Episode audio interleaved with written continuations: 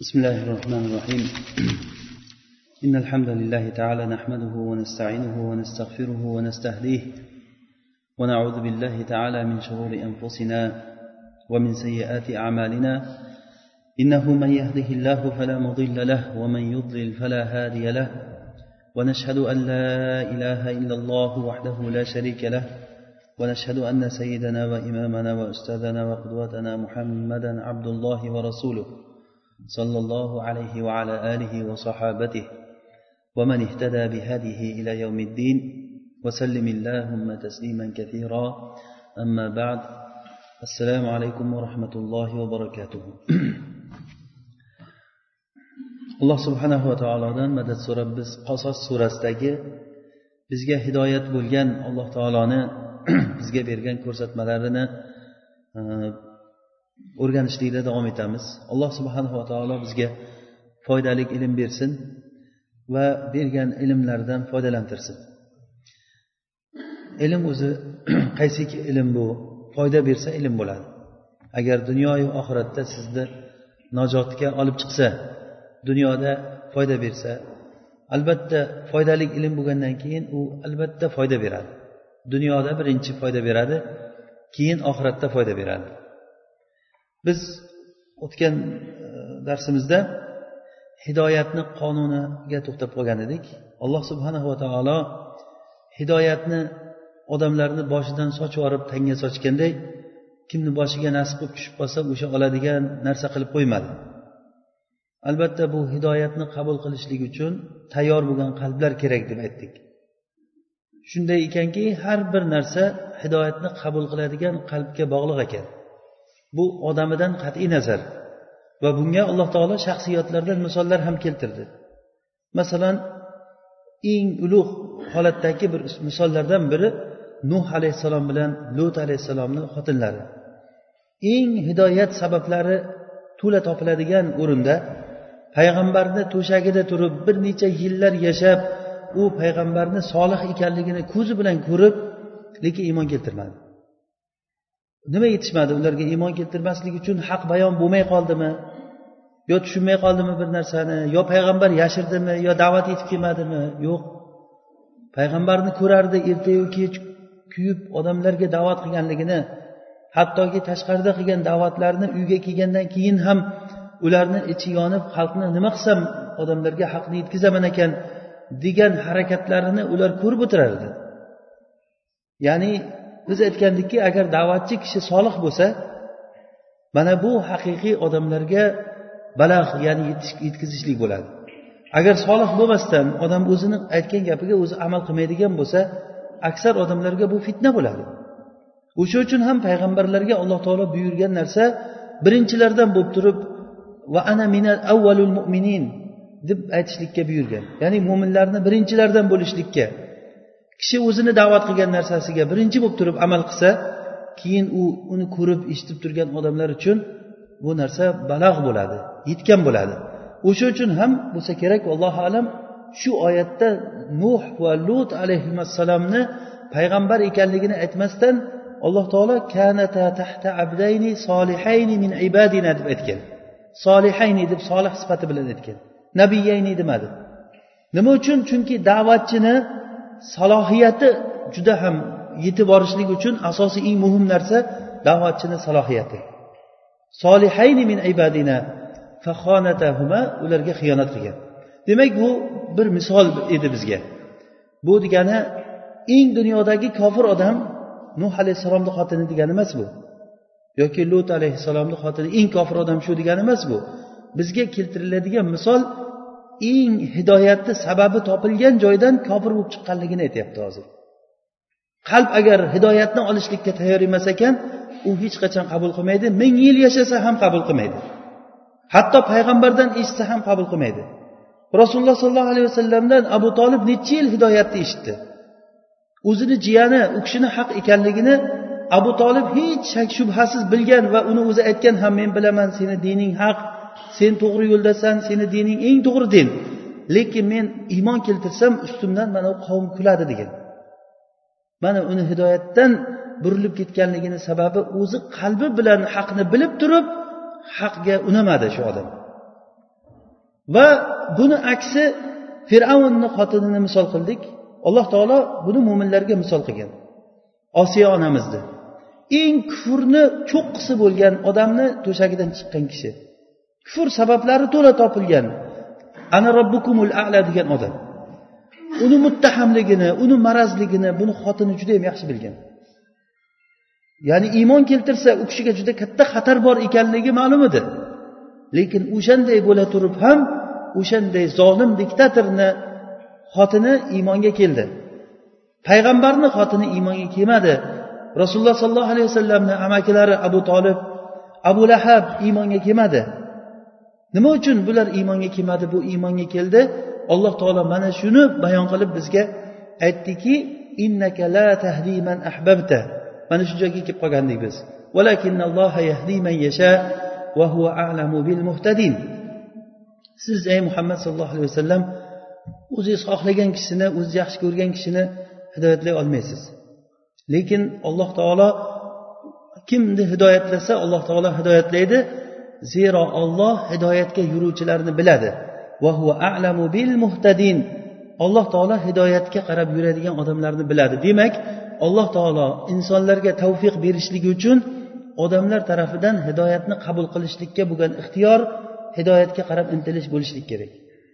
Hidoyatga qarab intilgan odamlarga alloh taolo uni yo'lini ochib qo'yadi. Mana shunga bu hidoyatni bir qonuni shunday bo'ldiki biz hidoyatda yurishligimiz uchun hidoyatni birinchi o'rinda tanlashligimiz kerak ekan ixtiyor qilishligimiz kerak ekan. Agar unga tayyor qalb bo'lmasa hidoyatni olishlikka tayyor qalb bo'lmasa qanchalik payg'ambardan eshitmaysizmi u foyda qilmaydi. Rasululloh sollallohu alayhi vasallam o'n uch yil da'vat qildilar. o'n uch yilni davomida eng rasulullohni sodiq ekanliklarini omonatli kishi ekanliklarini bilib turgan o'zini qavmi iymon keltirmadi. Rasulullohga kofir bo'ldi hatto urush qildi.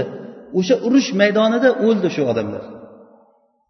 Lekin vaholanki rasulullohni haq ekanligini bilar edi alloh subhanava taolo bizga ushbu oyatlarda odamlar hidoyatga yurishligi uchun eng muhim narsa qalbni salomatligi shu hidoyatni qabul qilishlik uchun kerakli narsa qalb tayyor bo'lishlik kerak ekanligini bayon qildi. Va aytdiki alloh taolo odamlar hidoyatga kelmagandan keyin har xil bahonalar qilar ekan.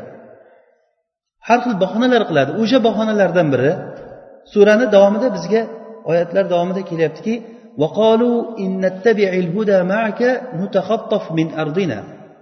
ular aytishdiki agar sendagi hidoyatga biz ergashadigan bo'lsak sendagi hidoyatga deyishligidan ular hidoyatni tan olgan.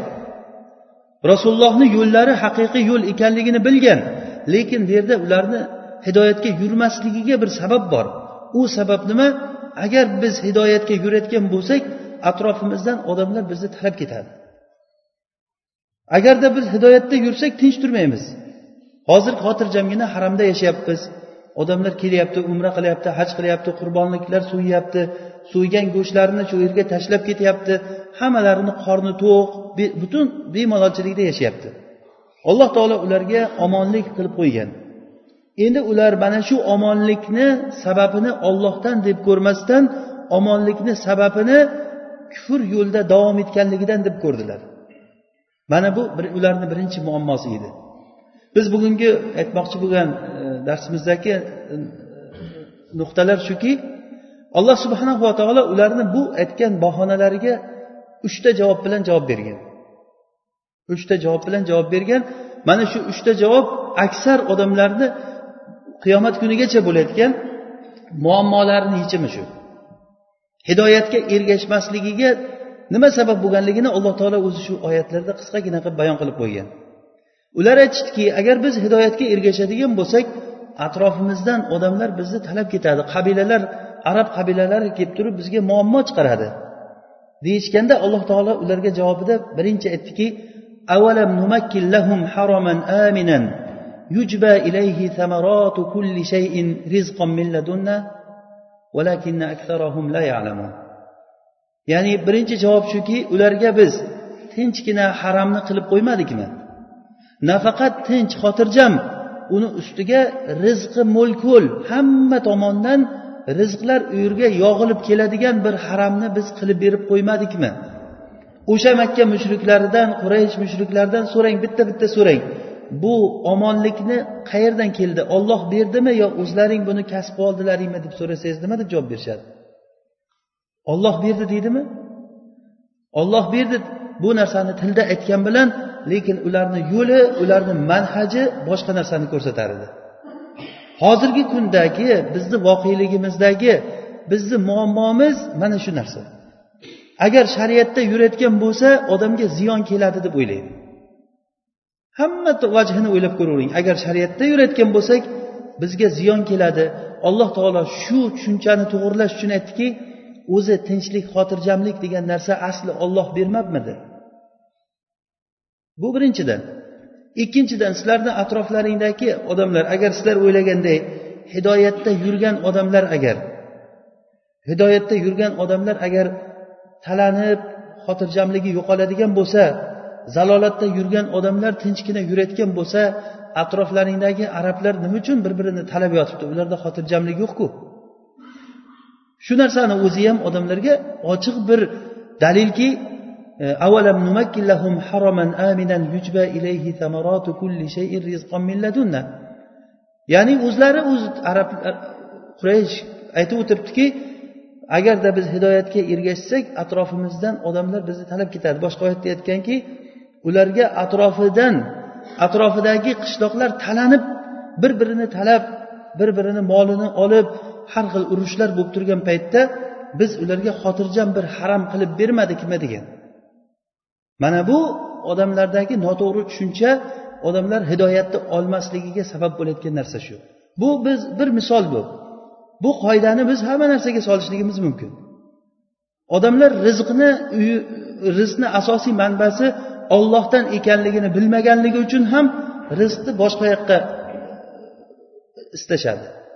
Xotirjamlikni manbasi ollohdan ekanligini bilmaganligi uchun ham xotirjam bo'lishlik uchun alloh taologa yolvormasdan ollohdan xotirjamlikni bilmasdan biz kufr yo'lida turganligimiz uchun mushrik bo'lib turganligimiz uchun biz xotirjam yashayapmiz deb o'ylashadi.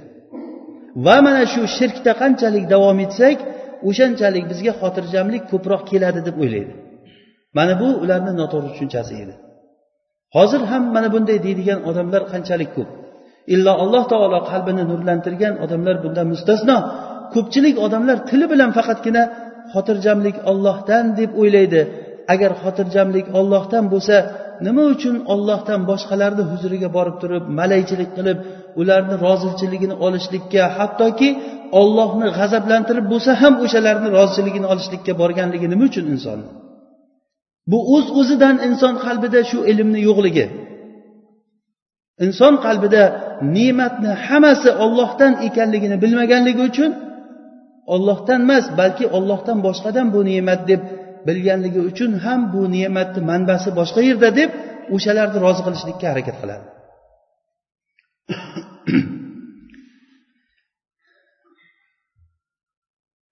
alloh taolo ularga ne'mat minnat qilib turib masalan liilafi qurayshin surasida ham liilafi qurayshin ilafihim rihlata shitoi va soyf فليعبدوا رب هذا البيت الذي أطعمهم من جوع وآمنهم من خوف ya'ni biz qurayishga imkoniyatlar berdik.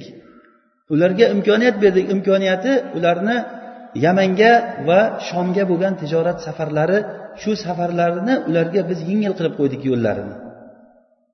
Shunday ekan sizlar bu uyni bu baytni deyapti kabani robbisiga ibodat qilinglar.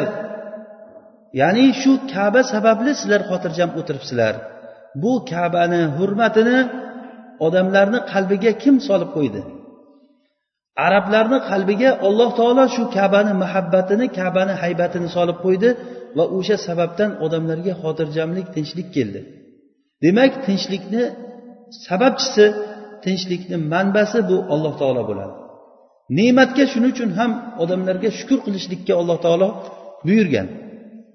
Ne'matga shukur qilishlikka buyurgan e, bu shukur qilishlik ham til bilan ham amal bilan bo'ladi. Faqatgina til bilan shukur qilib turib agar amal qilmasa bu shukur qilishlik deyilmaydi. Shuning uchun ham alloh taolo kitobida shukur qilishlikni amal degan amalu ala davuda shukro ey davud oilasi shukurni amal qilinglar deyilgan. Shukur deb aytinglar demasdan yamalu shukro deyapti. Ya'ni shukurni amal qilinglar. Shukur bu tilni vazifasi shukurni hamdni til bilan aytishlik bo'lsa a'zolar bilan shu shukurni ko'rsatib berish kerak. Shu shukurlardan biri ollohni ne'matini o'ziga qaytarishlik birinchidan ollohdan deb e'tirof etishlik shu ne'mat ollohdan ne'mat sohibi olloh deyishlik va ikkinchidan bu ne'matni olloh yo'liga ishlatishlik. Mana bunda shukur qilgan bo'ladi. Tili bilan alhamdulillah allohga shukur shuncha ne'matlarni berdi oldik deb aroqni bir biriga urushtirib ichgan odamlar bu tili bilan shukur qilib o'tirgan bilan lekin ular haqiqiy nonko'r odamlar shular ollohni ne'matini olloh bergan sog'likni boshqa yerga ishlatishlik olloh bergan farzandlarini ollohni diniga zid bo'layotgan joylarga tarbiyaga berishlik o'sha yo'lda ishlatishlik bu xiyonat va ollohni ne'matiga nonko'rlik degani. Buni siz umumiy tushuning hamma narsaga. Xoh sog'lik bo'lsin xoh mol bo'lsin xoh farzand bo'lsin xoh ilm bo'lsin. Eng yomoni ilm. Ya'ni olloh bergan ilmni ollohni diniga da'vat qilishlik odamlarga robbisini tushuntirishlikka ishlatmasdan o'zini tirikchiligiga ishlatishlik. Mana bu ne'matga bu ilm ne'matiga shukur qilishlik deyilmaydi bu. Xuddi shunday xotirjamlik ne'mati ham. Xotirjamlik ne'matini odamlar birinchidan e'tirof etish kerak ollohdan deb bilishlik kerak va keyin shu xotirjamlikni olloh yo'lida ishlatishlik kerak. O'zi insonga eng katta ne'mat bu xotirjamlik bo'ladi. Xotirjamlik shuning uchun ham alloh taolo bu yerda hozir oyatda xotirjamlik haqida ketganligi uchun xotirjamlikni birinchi aytib keyin rizq haqida ham gapirib ketyapti. Ya'ni avvalam numakillahum haroman aminan? Ya'ni omon bo'lgan haramni ularga qilib berdik. Yujba ilayhi samaratu kulli shay. Rizqon min ladunna. Har bir narsani samara mevalari har xil mevalar u yerga olib kelinadi. Biz tomonimizdan bu rizq bo'ldi deb rizqni aytyapti. Chunki inson hayotini lazzati shu ikkita narsa bilan bo'ladi. Xotirjamlik bilan va rizq bilan. Ya'ni rizq deganda bu yeydigan narsalar bilan. Xotirjamlik bo'lib turib ham yegani narsa bo'lmasa insonda hayotda lazzat bo'lmaydi. Va yegani narsalar to'la to'kis bo'lib turib xotirjamlik bo'lmasa bu yegan narsadan lazzat hech qanday tomoqdan o'tmaydi. Hozir bu yerda xotirjamlikni birinchi keltiryapti. Chunki gapni siyoqi gapni mazmuni xotirjamlik haqida ketyapti. Ammo liilafi qurayshin surasida birinchi allazi at'amahum min ju'in deb turib ochlikdan ularga taom bergan birinchi ochlikdan taom berganligini aytyapti keyin xotirjamlikni aytyapti. Chunki liilafi qurayshindagi oyatni siyoqi oyatni mazmuni qurayshga bergan ollohni ne'mati yeb ichishdagi ne'mati haqida gapiryapti. Bu yerda bo'lsa hozir qasos surasida xotirjamlik haqida gapiryapti. Shuning uchun birinchi xotirjamlikni aytdi alloh taolo. Odamlarni eng asosiy hidoyatdan to'sib qolgan narsa mana shu narsa bo'ldi. Ya'ni u nima? Birinchisi xotirjamlikni ollohdan deb bilmasdan ollohdan boshqadan deb bilishlik. Hidoyatdan to'sgan odamlar to'silgan odamlar hidoyatni qabul qilmaydigan odamlar hidoyatni hidoyat ekanligini hukm ollohniki ekanligini va ollohni hukmi bilan hukm qilish kerak shart ekanligini bilib turib odamlar nima uchun ollohni shariatini tadbiq qilmaydi? U hokimlardan boshlab odam oila boshliqlarigacha. Biz hukmni tadbiq qilish deganda birinchi xayolimiz kelayotgan narsa davlat hokimlarini tushunamiz. Biz boshdan bosh kelishdik. Bu darsimizda biz odamlarga hukm qilishlik uchun o'rganamizmi yo o'zimiz foydali ilm olishlik uchun o'rganamizmi? Foydali ilm olishlik uchun o'rganamizmi? Shu dunyoda ham oxiratda ham foyda beradigan ilmni ollohdan so'rab shu ilmni olish uchun o'rganamizmi? Demak bu aytilingan gapni birinchi o'zimizga tadbiq qilaylik. Ollohni hukmi bilan hukm qilmaymiz. Oilamizda va boshqa joylarda gapirganda tijoratda muomalada ko'pincha ko'p insonlar havoyi nafsi bilan ergashib ketaveradi. Hukmni biladi nima ekanligini bilib turib bilmaslikka olib turib ketaveradi. Yo ochiqchasiga o'sha narsani qilmay ustidan hatlab o'tib ketaveradi. Va yana o'zidan boshqalarni ayblashlikka kelgan paytda u ollohni hukmi bilan hukm qilmaydi deb turib gapirilinadi vaholanki ba'zan odam ollohni hukmi bilan hukm qilmagan paytingizda masalan inson o'zini xotinidan qo'rqqanligidan ollohni hukmi bilan hukm qilmaydi. Masalan qiziga hijob o'ratish kerak bo'lsa xotini aytadi hijob o'ramaydi qizimiz deydi. Agar hijob o'raydigan bo'lsa uni kim qaysi er oladi uni? Ko'chaga chiqsa kollejga o'qishga qo'yamiz o'sha yerda o'qishda yigitlar bilan tanishadi o'ziga er topib keladi degan bahona bilan eri rozi bo'lmasa ham xotinni gapi bilan o'qishga qo'yadi ba'zi bir erkaklarni. Eshitganmizda aytyapmiz biz. O'sha erkak masjiddan da'vat eshitgan ulamolardan eshitgan rozi emas o'sha yerga farzandini qo'yishlikka rozi emas.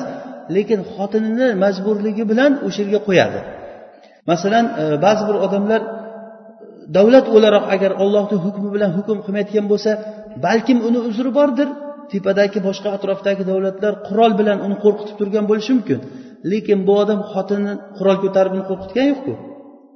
Lekin baribir ollohni hukmiga yurmasdan o'sha xotinni aytganini qilib turib noto'g'ri hukm chiqaradi. Ko'ryapsizki inson ne'matni ollohdan ekanligini bilmaganligi uchun masalan turmush o'rtog'i masalan erni ne'mati qiz bolalarga nisbatan aytsak erni ne'mati nimadan? Ollohdanmi yo o'ziga o'zi odam topib oladimi? Ollohdan bo'layotgan bo'lsa ollohni ne'matiga ollohni g'azabini uchratadigan ishni qilib erishib olishlikni o'ylaydimi? Shuning uchun ham alloh taolo shu oyatni oxirida deyapti. Muammo nimada? Muammo odamlarni ilmsiz ekanligida.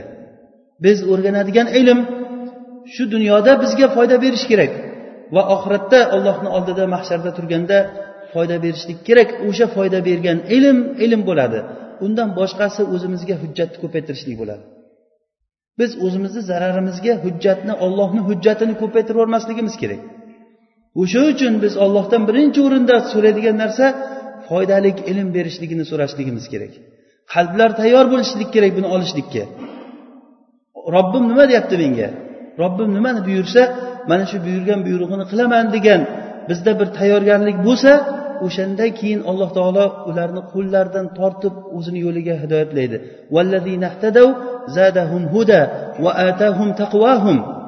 hidoyat sari yurgan odamlarni alloh taolo yana ham hidoyatini ziyoda qiladi va ularni taqvosini alloh taolo beradi. Ziyoda ularga yana. Biz o'zimizga bog'liq joyi yana takror aytamiz bu takror aytaverishligimizni sababi foyda bo'lishligi uchun ma'lumot qalbimizda o'rnashligi uchun. Haqni qabul qilishlikka tayyor qalblar bo'lishlik kerak. Agar qalb haqni qabul qilishlikka tayyor bo'lmasa eshitgan narsa foyda bermaydi balki ziyon beradi. Eshitgan narsa ziyon beradi. Rasululloh sollallohu alayhi vasallamdan eshitgan quraysh kofirlariga foyda bo'ldimi ziyon bo'ldimi? Qanchalik ziyon bo'ldi ularga? Ular o'zlariga o'zlari hujjatni ko'paytirdi. Lekin alloh taolo hidoyatni xohlagan odamlardan hidoyatni man qilishlikdan akrom bo'lgan avom va ajal bo'lgan zot. Ulug'roq alloh taolo. Hidoyatni xohlagan odamlardan hech qachon hidoyatni man qilmaydi. Xuddiki buni amr ibn osni voqeasida aytgan edik. Amr ibn osga shuncha aqlli bo'lib turib nimaga hidoyatga yurmagansan shuncha yil? Hijratni yettinchi yilida islomga keldi. Ya'ni bu degani yigirma yil islomga kechikdi degani. Shunda u kishi aytgan ekanki bizga qavmimizdan bo'lgan bir aqli aqlini ahmoqlik o'rab olgan bir chollar boshchilik qilar ekan. Biz o'shalarni gapini gap deb yurdik. Keyin ular ketgandan keyin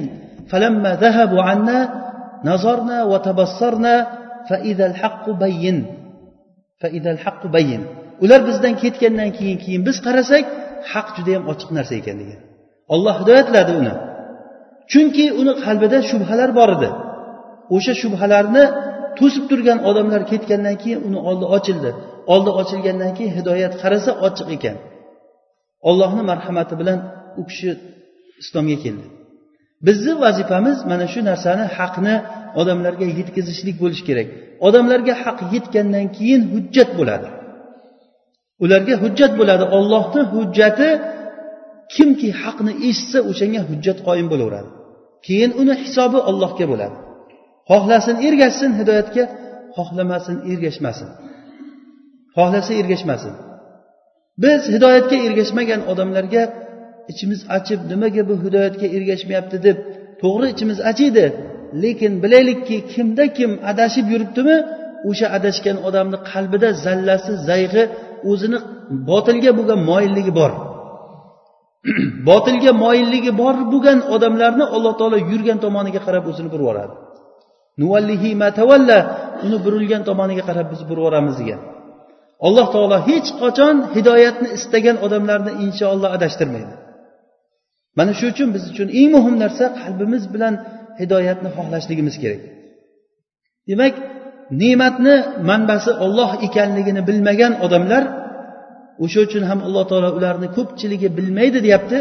Ular ne'matni bilmaganligi uchun ham ular nima qildi? Noto'g'ri yo'l tutdi. Xuddiki odamlarni hayotida mana shu narsani tadbiq qilavering oddiy qizini erga berishlik uchun noto'g'ri yo'l tutadi. Yoki qizim xursand bo'lsin deb turib o'shanga bir johiliy to'y qilib beradi. Nima uchun biladi o'sha narsani noto'g'ri ekanligini. Lekin bittayu bitta qizim bor deydi. Qalbi o'ksinmasin u bo'lsin bu bo'lsin deb qizini xursand bo'lishligi uchun robbisini g'azablantirishlikka e'tibor bermaydi. Bu odam baxtga erishishlik uchun shu ishni qiladi. O'ylaydiki qizim xursand bo'lsa shu bilan baxtli bo'ladi deb o'ylaydi. Balki aksincha qancha qancha ollohni g'azablantirgan odamlar borki ollohni g'azablantirgan odamlar hech qachon ollohni g'azabi bilan ular to'g'ri yo'lda ollohni g'azablanish g'azablantirishlik bilan hech qachon baxt saodatga erishmagan. Erishmaydi ham bu ollohni qonuni bu.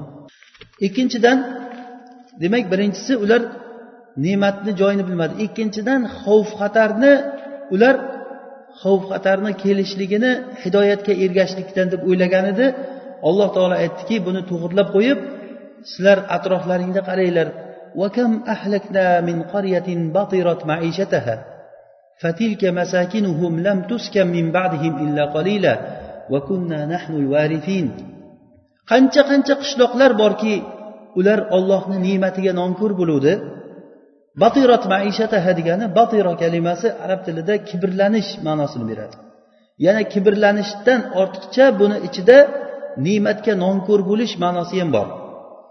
Ya'ni qancha qancha qishloqlar borki ular ollohni ne'matiga kofir bo'ldi ollohni ne'matiga kofir bo'ldi kibrlanishlik bilan birga. O'zlarini katta olib ollohni ne'matiga kofir bo'ldi.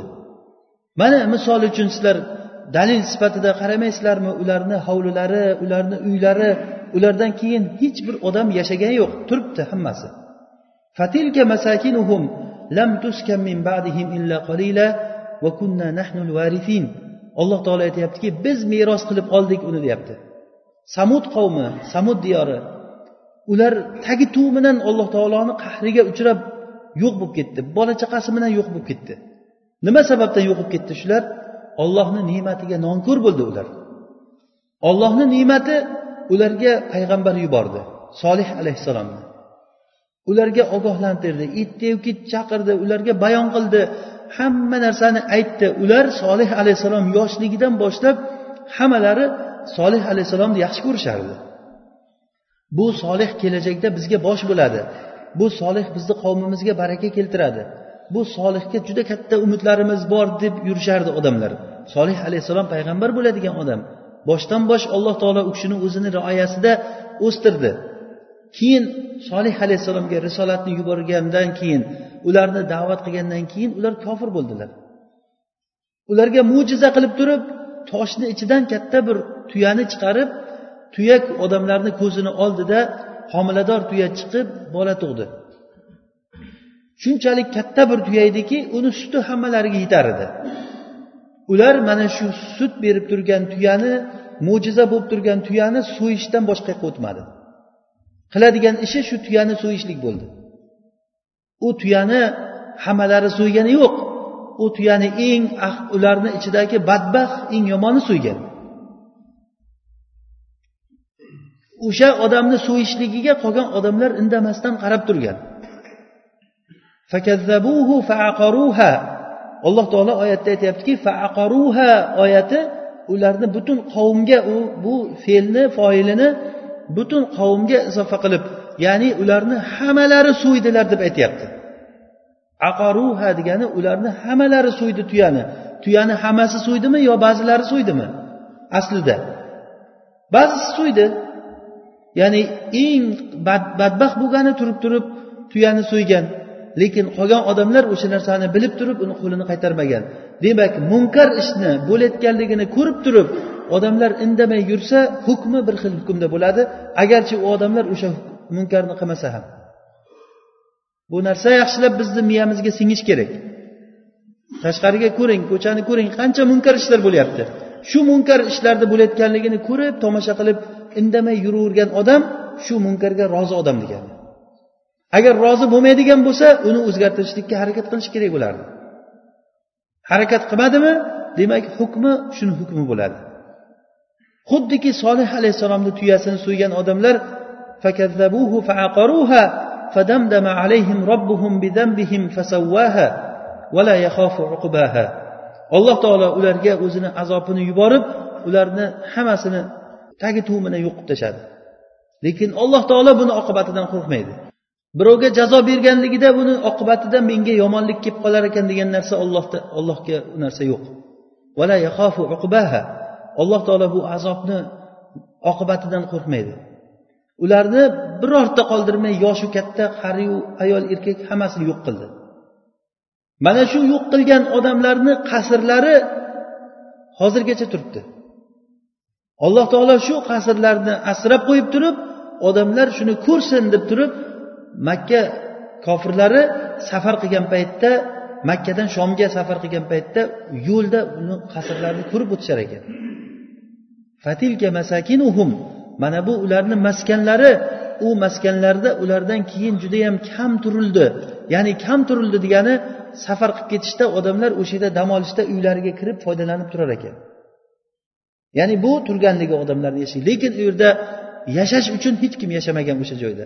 Ollohni la'natiga uchragan ollohni qahriga uchragan nafaqat insonlarni o'zi balki qishloq uylari ham ollohni la'natiga uchradi. O'sha odamlar yashab turgan uylar ham ollohni la'natiga uchradi. Alloh taolo aytyaptiki biz meros qilib oldik buni deyapti. Arablar arablarda agarda bir bir kishini uyi bo'lsa shu kishini meros oladigan hech kimi bo'lmasa farzandlari bo'lmasa va uni uyi u odam o'lgandan keyin xaroba bo'lib qolib ketsa arablar aytardiki hada merosulloh deb atar edi. Bu ollohni merosi deb atar ekan. Uni merosxo'ri yo'q bo'lgan. Xuddiki samud qavmini merosini olloh oldi deganday buni arablar judayam yaxshi tushunardi bu gapni. Va kunna nahnul varisin degani ulardan hech kim qolmadi degani. Birorta odam qolmadi. Yoshu katta hammasini alloh taolo vayron qildi. Ya'ni bu misolni nima uchun aytyaptiki? O'sha odamlar samud qavmi bo'lsin lut qavmi bo'lsin juda ko'p qavmlar. Shuning uchun ham alloh taolo vakam min qaryatin batirat vakam ahlakna min qaryatin batirat maishataha.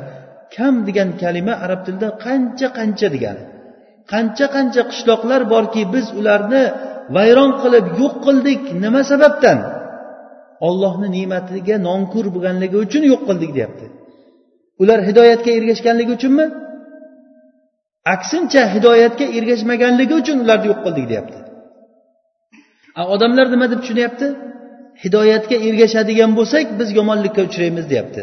Alloh taolo ularni tushunchasini to'g'irlab uchta javob bilan javob berdi.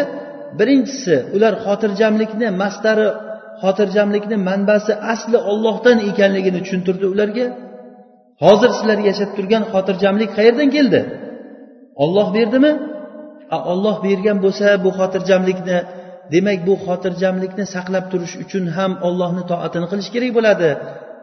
Ikkinchidan atrofdagi vayron bo'lgan odamlar nima uchun vayron bo'lib ketdi? Nima uchun ular birorta bola chaqasi qolmay vayron bo'lib ketdi? O'shani ko'rdi odamlar ko'zi bilan ko'rdi. Hattoki lut alayhissalomni qishlog'i qishloq teskari bo'lib turganligini devorlari teskari bo'lib turganligini odamlar ko'rib o'tishardi ولقد أتوا على القرية التي أمطرت مطر السوء أفلم يكونوا يرونها ular ustilariga la'nat toshlari yog'dirilingan qishloqni oldidan o'tishardi ko'rmayaptimi ular shu azoblarni shundan ibratlanmaydimi ko'rib turibdi odamlar Demak o'sha lut alayhissalomni qavmi nima sababdan halok bo'ldi? Samud qavmi nima nima samud qavmi nima uchun halok bo'ldi? Ular ollohni ne'matiga nonko'r bo'lganligi uchun halok bo'ldi. Buni bizga aytilinganligini sababi sizlar ehtiyot bo'linglar eshitgan odamlar bu narsadan ehtiyot bo'linglar ollohni ne'matiga nonko'r bo'lishdan ehtiyot bo'linglar ollohni azobi hech kimni ayamaydi. Shuning uchun ham alloh taolo buni misoli qilib aytib qo'yyaptiki tirikchiligida haddidan oshgan odamlar edi ular. Tirikchiligi haddidan oshganligi uchun ular ollohni ne'matiga ham nonko'r bo'ldi ham kibrlandi. Men yoshlik vaqtlarimizda e, esimda qolgan narsa bir shofir e, nima kamazay degan odam armanistonga bir yuk olib borgan ekan. O'sha esimda qolgan shu paytlar eshitgandik. Shu odam o'zi johil kishi. Lekin qaytib kelgan paytda o'sha odam aytib bergan ekanki bu qavmni yer yutib ketishligidan qo'rqaman. Hammomga kirganda issiq bo'lkanonni olib kirar ekan yumshoq bo'ladi. Tozalash uchun issiq bo'lkanonlarni ishlatgan ekan. Mana shunday bo'lgan qavmni ozroqdan keyin yer qimillab necha ming odam o'lib ketdi. Adashmasam ellik mingmi qancha odam o'lib ketdi armanistonda? Mana bu biz uchun katta bir ibrat bu. Xuddi shu oyatga tushayotgan narsa. Batirot maishataha. Tirikchiligi haddidan oshgan odamlar. Haqiqatda mana shu narsani ba'zi bir islomni iymonni davo qilgan odamlarda ko'rib qolasiz. To'ylarni ko'rsangiz ba'zi bir halij davlatlaridagi to'ylar u yerga qilingan osh o'sha osh solingan tovoqlarni eni bir metrcha bor.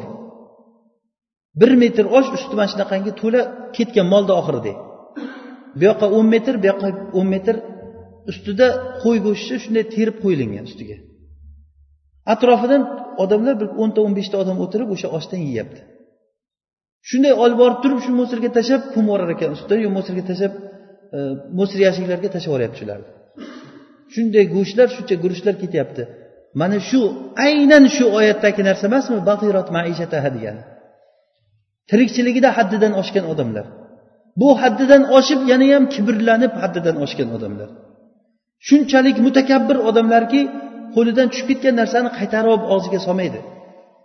Mana shu narsani yo'qotishlik uchun ham rasululloh sollallohu alayhi vasallam agar ovqat yeydigan bo'lsanglar qo'llaringdan bir luqma tushib ketsa shu luqmani olib tozalab yeyglar deganlar.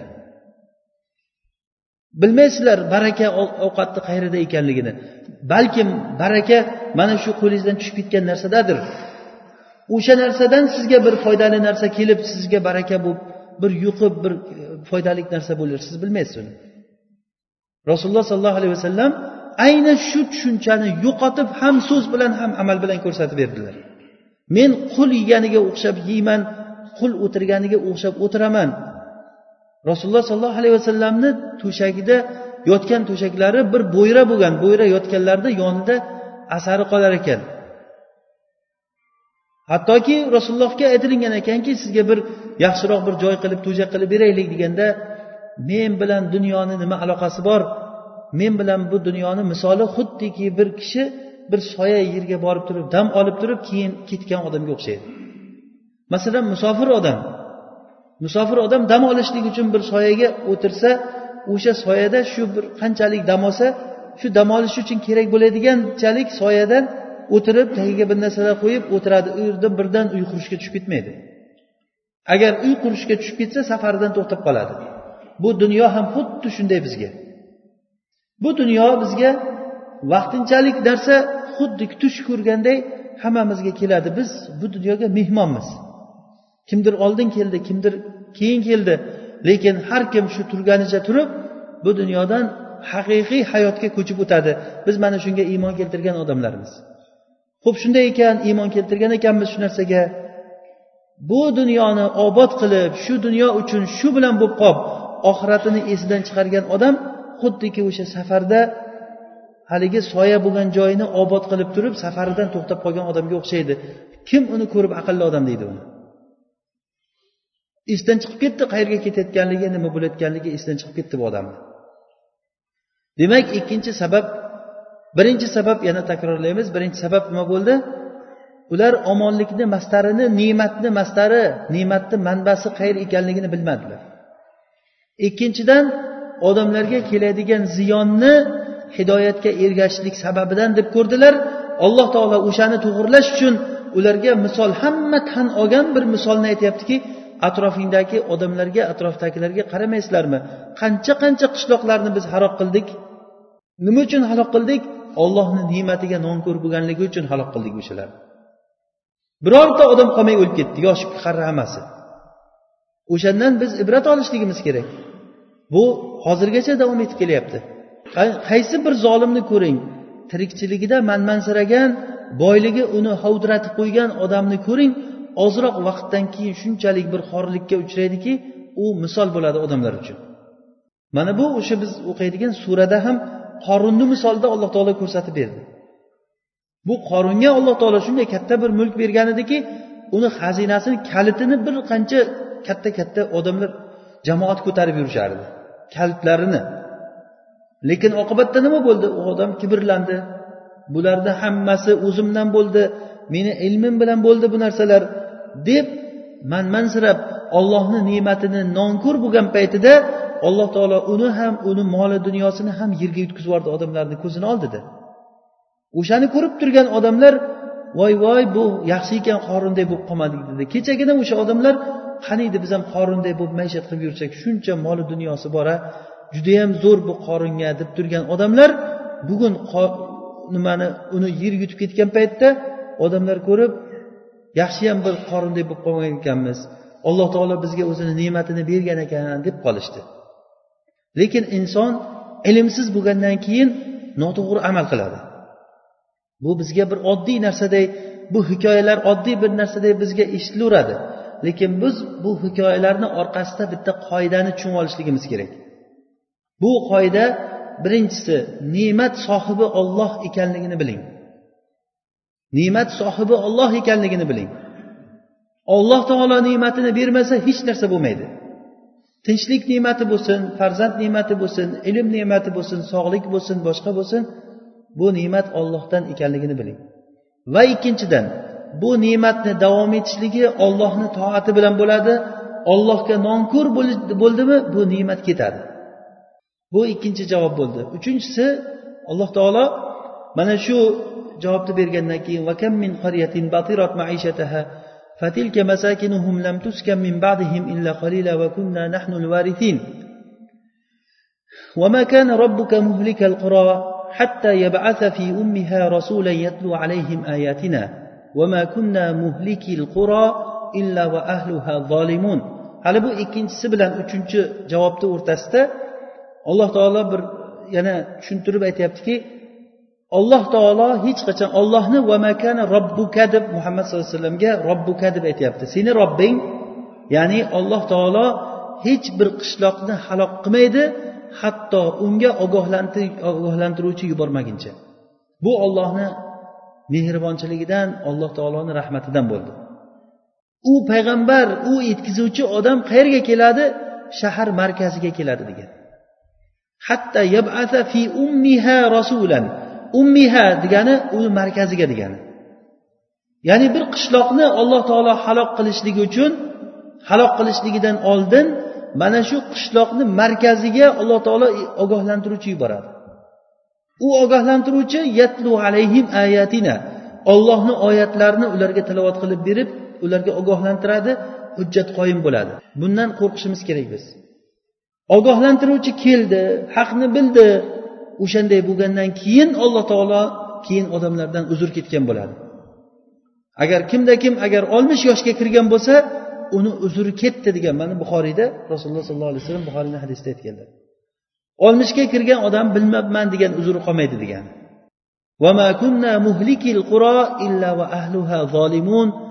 bir qishloq ahlini biz halok qilib yubormaymiz illo ahli zolim bo'lib turgan holatdagina biz ularni halok qilamiz dedi. Demak bu illat murakkab illat bo'ldi. Ya'ni murakkab illat degani odamlarni halok bo'lishligi uchun birinchidan ular ne'matga nonko'r bo'lishi kerak ekan ikkinchidan ularga ogohlantiruvchi kelishi kerak ekan uchinchidan o'sha ogoh azob kelgan paytda ollohni halokati kelgan paytida odamlar zolim bo'lib turgan bo'lishi kerak ekan. Illa va ahluha zolimun. Zolim kalimasi bu siyg'a arab tilida foil vaznida bu deganiki zulm ularda davom etib turgan degan ma'noni beradi ya'ni zolim kalimasi arab tilida ism foil davom etish ma'nosini beradi hattoki ularga azob kelgan paytida azobni ko'rib turgan paytida ham zulmda davom etib turganligi bilinadi xuddiki mana ahqof surasida alloh taolo aytgani kabi فلما رأوه عارضا مستقبل أوديتهم قالوا هذا عارض ممطرنا بل هو ما استعجلتم به rihun fiha azabun alim. Ot qabilasi haqida alloh taolo aytadiki ahqof surasida ularga azob uzoqdan kelishlik paytida ular azobni bulut deb ko'rdi. Qop qora bulutga o'xshagan narsa osmondan kelayotganligini ko'rib uzoqdan ko'rib turib mana bu bulut bizga yomg'ir yog'dirgani kelyapti deb o'ylashdi. Ollohni azobini ular o'zlariga rahmat deb o'ylashdi. Ollohni rahmatini bo'lsa zalolat deb o'yladi. Bir necha kun ertayu kech ularga hud alayhissalom to'xtamasdan da'vat qildilar to'xtamasdan da'vat qildilar. Yo'q ayt robbingga azobini jo'natsin dedi. Azobini jo'natsin dedi. Alloh taolo azobni jo'natgan paytda uzoqdan ko'rgan paytlarida bu bulut bizga yomg'ir yog'diradi dedi. Yo'q aksincha edi. Rihun fiha adabun alim. Bu shunday bir katta kuchli shamol edi va bu shamolni ichida katta bir alamlik azob bor edi. Odamlarni chilma teshik qilib tashlagan. Katta katta odamlar xuddi qurt yegan barglarday bo'lib chilma teshik bo'lib ketgan. Hammasi kundalarday bo'lib turib yerlarga qator qator qator yotib qolgan katta katta gavdali odamlar. Nihoyatda baquvvat nihoyatda katta odamlar bo'lgan. Ularga alloh taolo ne'matini bergan lekin ne'matga nonko'r bo'lgan va nonko'r bo'lishligi bilan birga ular zolim bo'lgan. Ularga payg'ambar kelib turib ularga ogohlantirgan lekin ular ogohlantiruvchiga qaramasdan zulmida davom etgan hatto azob kelgan kungacha. Illa va ahluha zolimun. Ikkinchidan zolim kalimasi bu ism foil siyg'asida bir ishda odam mahkam turib olganligini bildiradi. Xuddiki fir'avnni voqeasida aytgan edikki inna haula ila shirzimatun qalilun va innahum lana lag'oizun va inna la jamiun hadirun. Deganda fir'avn o'zini qavmiga mana bu kichinagina bir jamoatcha ular bizga dushman bizni yomon ko'radi. Biz ulardan ehtiyot bo'lishligimiz kerak degandagi va inna lajamiun hadirun kalimasi arab nima ism foil siyg'asida ehtiyot bo'lishlikni nihoyat darajada ehtiyot bo'lishligimiz kerak degan narsani ta'kidlab aytganligi. Biz bulardan ehtiyot bo'lishligimiz kerak aks holda bular bizni xonavayron qiladi. Bular bizni aqidamizni buzadi. Ota bobolarimizdan kelgan to'g'ri o'zimizni haqiqiy dinimizni bular buzadi deb turib odamlarga shu noto'g'ri narsani to'g'anoq bo'lib turib haqqa haq kelgan paytda oldiga shunday bag'ri bilan chiqib odamlarga haqni o'tkazmaslikka harakat qilgan. U bilan unga ergashgan odamlar uzrli bo'lib qolmadi. Fir'avn va fir'avnga ergashganlarni hammasini hukmi bir xil bo'ldi. Bu haqda biz ko'p suhbatlarda gapirdik. Hatto halokati ham bir xil bo'ldi. Suvga cho'kib hammasi bir xil halok bo'ldi. Qiyomat kuni ham bir xil ular tirilib bir xil holatda do'zaxga kirib ketadi degan. Qiyomat kuni fir'avn qavmini oldida boshlab olib keladi orqasidan qavmi keladi va ular bilan do'zaxga kirib ketadi deyilgan demak alloh taolo bir qavmni halok qilishligi uchun bir qavmni halok qilishligi uchun birinchidan o'sha qavm zolim bo'lishi kerak ya'ni bu zolim bo'lganligi biz hozir oyatda o'qiganimiz batirat maishataha. Ular tirikchilikka nonko'r ollohni bergan nonlariga nonko'r bo'lgan odamlar. Bu biz qo'rqadigan narsa. Ya'ni eshitib oddiygina o'tkazib yubormasligimiz kerak bu narsani. Bu fir'avn to'g'risida yo bir o'tib ketgan odamlar to'g'risidagi narsa emas bu. Bu kitob qur'onda bizga aytilingan narsa bular. Ogohlantirishligimiz kerak bir birimizni avval o'zimiz ogoh bo'laylik. Eshitgan odamlarim biz eshitdikmi boshqa bir odamlarga ogohlantiraylik bu narsadan. Ollohni azobi agarda biz zolim bo'layotgan bo'lsak olloh asrasin. Zolim bo'layotgan bo'lsa va ularga yetkazuvchi kelgandan keyin odamlar azobga haqli bo'lib qo'yadi alloh taolo o'zi kechirsin.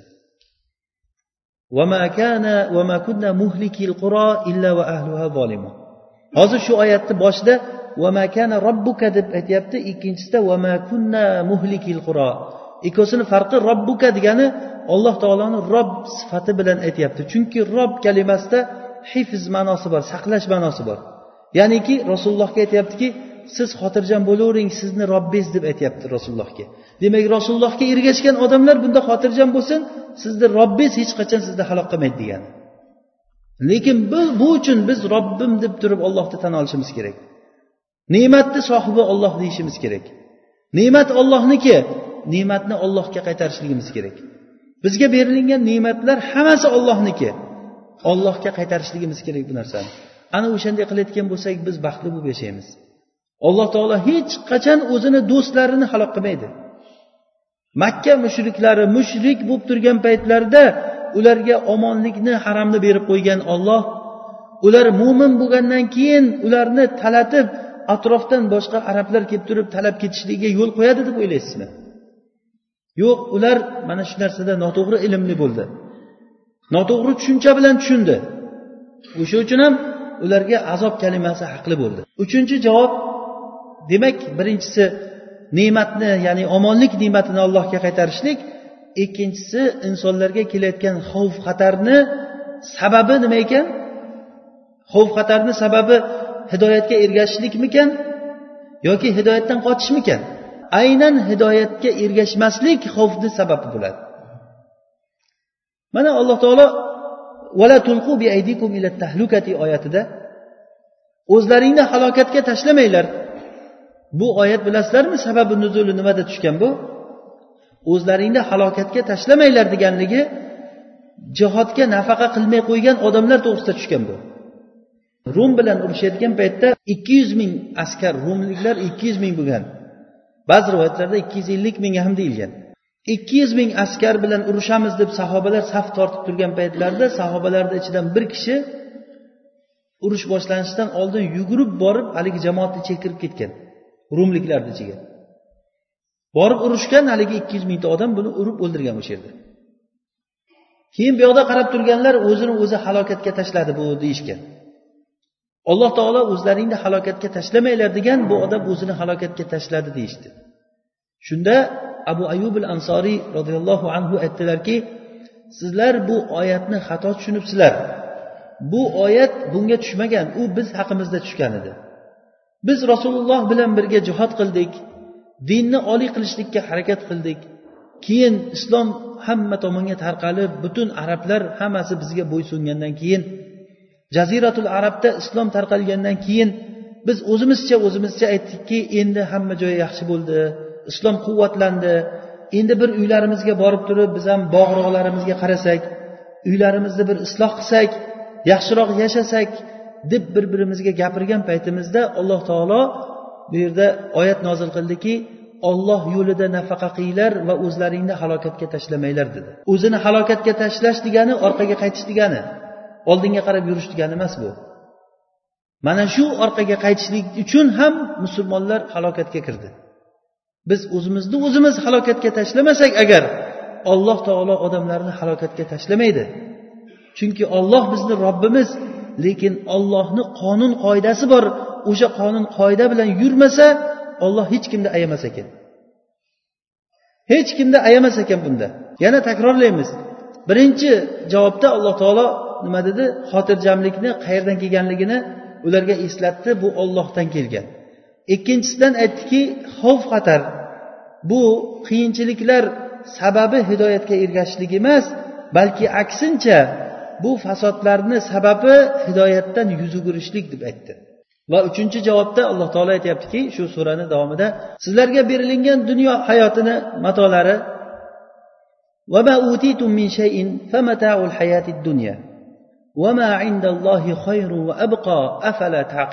insonlarni hidoyatdan hidoyatni tashlab zalolat yo'lini istashligini sabablaridan biri dunyoni istashligi bo'ldi.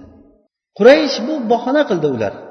Ular aytishdiki senga ergashsak atrofdan bizni odamlar kelib talab ketadi. U bo'ladi bu bo'ladi degan odamlar aslida havoyi nafsidan dunyoni xohlagan odamlar edi. Alloh taolo mana shu dunyoni deb turib haqni tashlagan odamlarga aytyaptiki sizlar ixtiyor qilgan bu dunyo sizlarga berilingan utitum ya'ni bu dunyoni ham o'zlaring topib olmagansizlar sizlarga berilingan narsa bu. Sizlarga berilingan narsa famataul hayati dunya. Bu dunyo hayotini matosi xolos. Ollohni huzuridagi narsa yaxshi va boqiyroqdir aqllaringni ishlatmaysizlarmi degan. Demak aqllik odam agarda bir foniy bo'lgan narsa tursa va bu yoqda bir boqiy bo'lgan narsa tursa qaysisini ixtiyor qiladi? Albatta bir foniy bo'lgan narsani tashlab boqiyni oxiratni ixtiyor qiladi. Endi agarda oxirat bilan dunyoni solishtirgan paytda xuddiki fuzoyl ibn iyoz aytganlari kabi agarda dunyo agar dunyo tillodan bo'lganda edi va u tillo tugaydigan tillo bo'lsa oxirat bo'lsa davom etadigan taxtadan bo'lganda edi aqlli odam shu taxtani ixtiyor qilardi tillodan ko'ra. Chunki bu tillo vaqtinchalik sizni qo'lingizda turayotgan narsa keyin olib qo'yiladigan narsa bo'lsa menga nima keragi bor buni vaqtinchalik ushlab o'tirib deysiz? Endi siz nima deb o'ylaysizki oxirat davom etadigan boqiy bir tillodan bo'lsa dunyo tugab ketadigan taxtadan bo'lsa. Unga ham o'xshatishlik o'zi aslida rasululloh sollallohu alayhi vasallam bir kuni sahobalar bilan ketishlikda quloqlari qirqilingan qo'yni bolachasini o'lik holatda ko'rdilar. Rasululloh aytdilarki mana shu narsa sizlar ko'rib turgan o'laksa egalariga bir qiymati bormi shuni? dedilar. Qo'yni egasiga. Nima keragi bor shuni? Yo'q hech qanday kerak emas olib chiqib tashlagan ular. Ollohni huzurida dunyo bundan ham qadrsiz dedi. Sizlar o'sha dunyoni deb turib haqni qabul qilmadilaring. Sizlarga ollohni ne'mati kelgan paytida odamlar ollohni ne'mati kelgan paytda dunyoni ixtiyor qilishdi. Insonlarni o'zi haqdan man qilgan narsa ikkita sabab bo'ldi. Birinchisi xavfdan qo'rqish ikkinchisi dunyoni tama qilish ibrohim alayhissalomni qavmi bo'lgan munozarasi haqida alloh taolo aytadiki إنما اتخذتم من دون الله أوثانا مودة بينكم في الحياة الدنيا ثم يوم القيامة يكفر بعضكم بعضا ويلعن بعضكم بعضا sizlar o'zaro o'rtalaringda ollohdan o'zga butlarni sanamlarni ushlab oldilaring bu ushlab olganliklaring bir birlaringga yaxshi ko'rinishlik uchun qildilar deyishdi. Odamlar bir biriga yaxshi ko'rinishlik uchun noqulay bo'lyapti deb turib bir hurmatli mehmonni oldida o'tirib turib namoz boshlagan odamlar aroq ichib qo'yadi. Hadisa hech bo'lmadi qiyolmadik deydi. Qiyolmaydigan bir odam kelib qoldi o'sha bilan birga aroq ichib qo'ydim deydi. Yoki kimlarnidir yuz xotirini qilib turib nomahram ekanligini bilib turib bitta uyda aralashib yashashlik yashashlikga rozi bo'ladi. Yashayveradi ha desa noqulay endi ammamni qizi edi xolamni qizi edi yoshligidan birga katta bo'lganmiz hech iloji yo'q. Yoki qo'lini uzatib tursa o'sha qo'l bilan ko'rishib ketaveradi. Ha desa juda noqulay bo'ldi qo'lni uzatib turibdi ayol kishi. Noqulay bo'ldi ko'rishib ketaverdi. Bilib turibdi rasululloh sollallohu alayhi vasallam hech qachon rasulullohni qo'llari ayol kishini qo'lini ushlamagan. Oysha roziyallohu anhuni hadislari buxoriyda kelgan. Ma massat yadu nabiy sallallohu alayhi vasallam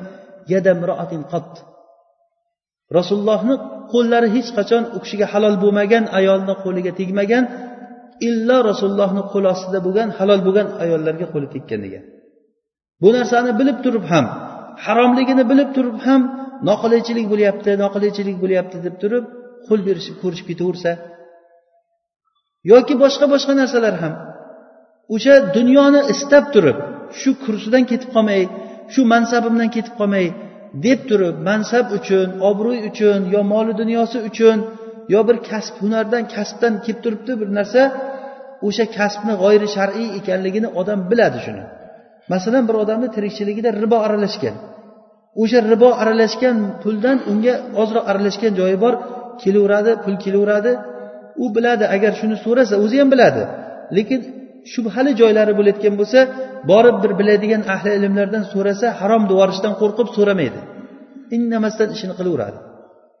Ja insof qilsa u ish bo'lmay yurmay qolgandan keyin borib so'raydi. Biz bir paytlar shunday bo'laydik nima bo'laykan deydi. Ha noto'g'ri qilgan ekansiz olloh kechirsin. Noto'g'ri qilgan ekanmiz deb ketaveradi. Lekin ishi yurib turgan paytda foyda kelib turgan paytda bundan yuz o'giradi. Nima uchun foyda o'sha narsaga inson u yani xuddiki boya xotirjamlikni quraysh kofirlik kofirlari xotirjamlikni boshqa yerdan izlagani kabi inson ham moli dunyoni kelishligini haromdan istaydi. Odam pulni ko'paytiraman deb turib haromni halolga qo'shib qo'shgandan keyin fil halali ba'saroh deganday jamaa al haroma ila al halami liyaksura ya'ni haromni halolga qo'shdi ko'payishligi uchun harom halolni ichiga kirgandan keyin uni ham yo'q qilib ketdi. Buni misolini juda ko'p ko'rganmiz buni. Lekin odam johil bo'lganligi uchun bilmasdan inson mana shu narsani bilmaydi. Bilmaydi deganligimiz bu qalbi bilan his qilmaydi ko'pchilik odam. Agar dunyoni foniy ekanligini yaxshi sezsa odam dunyoni bu o'tkinchi narsa ekanligini bu bir manfaatsiz narsa ekanligini yaxshi bilsa inson boshqacharoq harakat qiladi. Bir arobiy safarda kelish paytida bir qavmni dam olib o'tirganligini ko'rib ular ovqat yeb o'tirgan ekan arobiyni ovqatga chaqirishgan. Nimani chodirni tagiga kelgan ular bilan birga ovqat yegan keyin arobiy uxlab qolgan. Keyin uyqudan uyg'ongan paytda uyqudan uyg'ongan paytda haligi qavm o'zlarini kapalarini yig'ishtirib safarini davom ettirib ketib qolgan ekan. Bu uxlab qolib ketavergan. Quyoshni issig'ida bu odam keyin uyg'ongan. Qarasa haligi ustidagi soya ketib qolgan shu yotgan joyda bir she'r aytgan bu. Bu dunyo xuddiki mana shu ketayotgan soyaga o'xshaydi. Har bir tirik jon borki uni soyasi bir kun ketadi. Bu narsa bizni soyamiz albatta bir kun ketadi. Bu ketmaydigan hech kim yo'q. Bu dunyo bizga berilgan narsalar agar berilgan bo'lsa biz onadan tug'ilgan paytda nima olib tushdik o'zimiz bilan? Vallohu axrajakum min butuni ummahatikum la ta'lamuna shay'a olloh sizlarni onalaringni qonidan chiqarganda hech narsani bilmasdilaring hech narsani bilmasdilaring deyapti. Na bir tilni biladi na kompyuter ishlatishlikni biladi. U chiqqandan keyin keyin o'rgandi alloh taolo o'rgatdi unga. La tamlikuna shay'a demayapti alloh taolo. La ta'lamuna deb bilmaydinglar u molik bo'lish bu yoqda tursin bilish tamoman hech narsani bilmasdilaring alloh taolo bizga shuncha ne'mat berdi. Kiyinishligimiz uchun ustimizga kiyim berdi. Rizqimizni berib turibdi ertayu kech. Mana bu ne'matlarni bilgandan keyin ne'matni sohibiga ollohga qaytarishligimiz kerak. Alloh subhanava taolo hammamizga foydali ilm bersin. bu o'rgangan ilmlarimizni shu dunyoda oxiratda foydalantiradigan ilm bo'lsin. Subhanakallohumma bihamdik nashhadu an la ilaha illa ant nastag'firuka va natubu ilayk.